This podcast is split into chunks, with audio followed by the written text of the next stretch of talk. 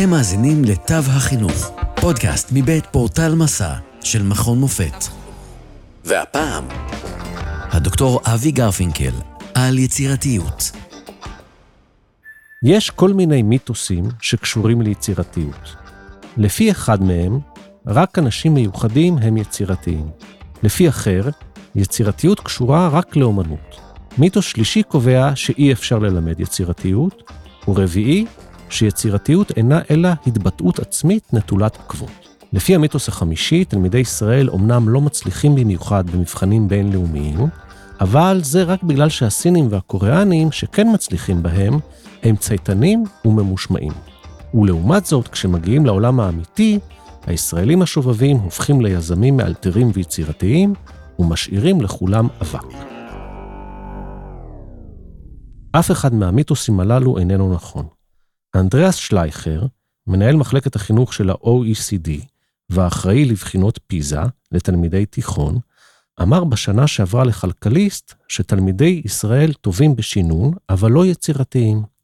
בניגוד למה שאנשים חושבים, ביצועי ישראל במבחני פיזה גרועים לא רק בגלל הבדלי דת ומגזר, ולא מפני שהמבחנים אינם מודדים יצירתיות. התלמידים הישראלים מגלים יכולות טובות בשינון חומר ובחזרה עליו, אבל לא רבים מהם טובים בשימוש בידע כדי לייצר רעיונות חדשים.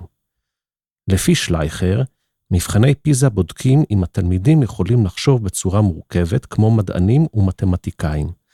למשל, תלמידים בישראל יכולים לדעת דברים רבים בכימיה, אבל הם יתקשו לתכנן ניסוי. זה משקף את מערכת בחינות הבגרות שלכם. זה חבל מאוד, כי מומחי חינוך רבים מסכימים שיצירתיות היא אחד הכישורים החשובים ביותר בשוק העבודה העתידי, ולמעשה כבר בשוק העבודה הנוכחי. יצירתיות, לפי הפרופסור לחינוך קן רובינסון, היא היכולת לייצר רעיונות מקוריים ובעלי ערך.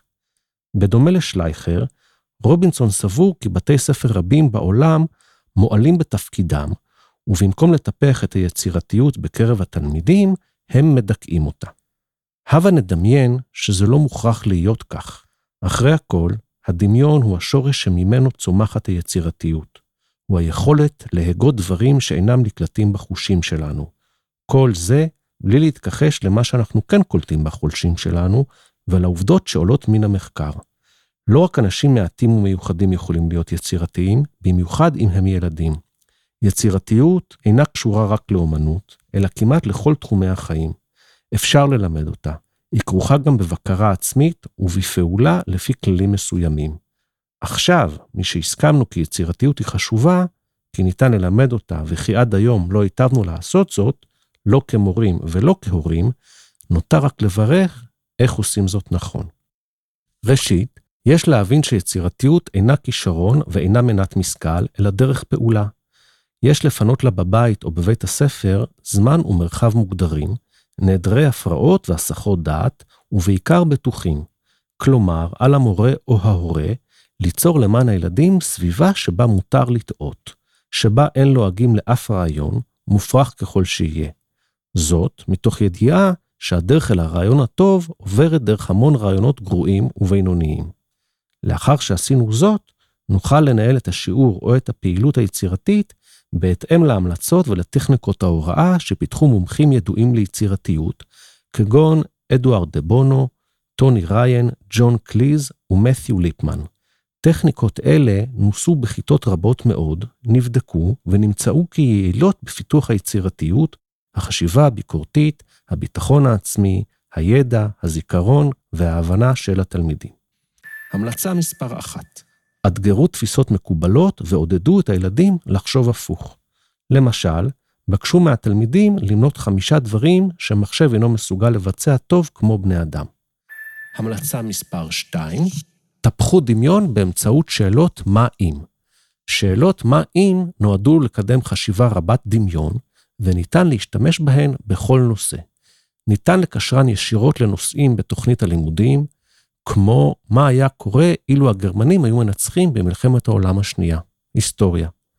המלצה מספר 3, הרשו לילדים לקחת סיכונים מחושבים. נטילת סיכון מחושב תלויה בנכונות לנסות משהו שונה או חדש, תוך התגברות על החשש מכישלון. על מערכת החינוך המודרנית לא להפריז ברמת הגוננות על תלמידים, ולאפשר להם ליטול סיכונים מחושבים. כך למשל, ניתן להרשות לתלמידים לטפס על עצים, אבל ללמדם לבחון קודם לכן את חוזק הענפים שנתלים בהם.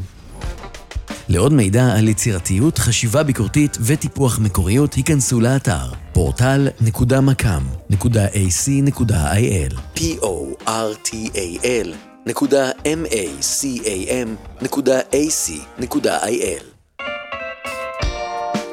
עד כאן מהפעם. תודה שהאזנתם לתו החינוך, פודקאסט מבית פורטל מסע של מכון מופת. פרקים נוספים תוכלו למצוא בפורטל מסע, או באפליקציית הפודקאסט האהובה עליכם. אתם מוזמנים לשלוח לנו תגובות, רעיונות, לשתף עם אחרים ולעשות מנוי לפודקאסט תו החינוך. התוכנית הוקלטה ונערכה במרכז המידע במכון מופת. נשתמע בפרק הבא.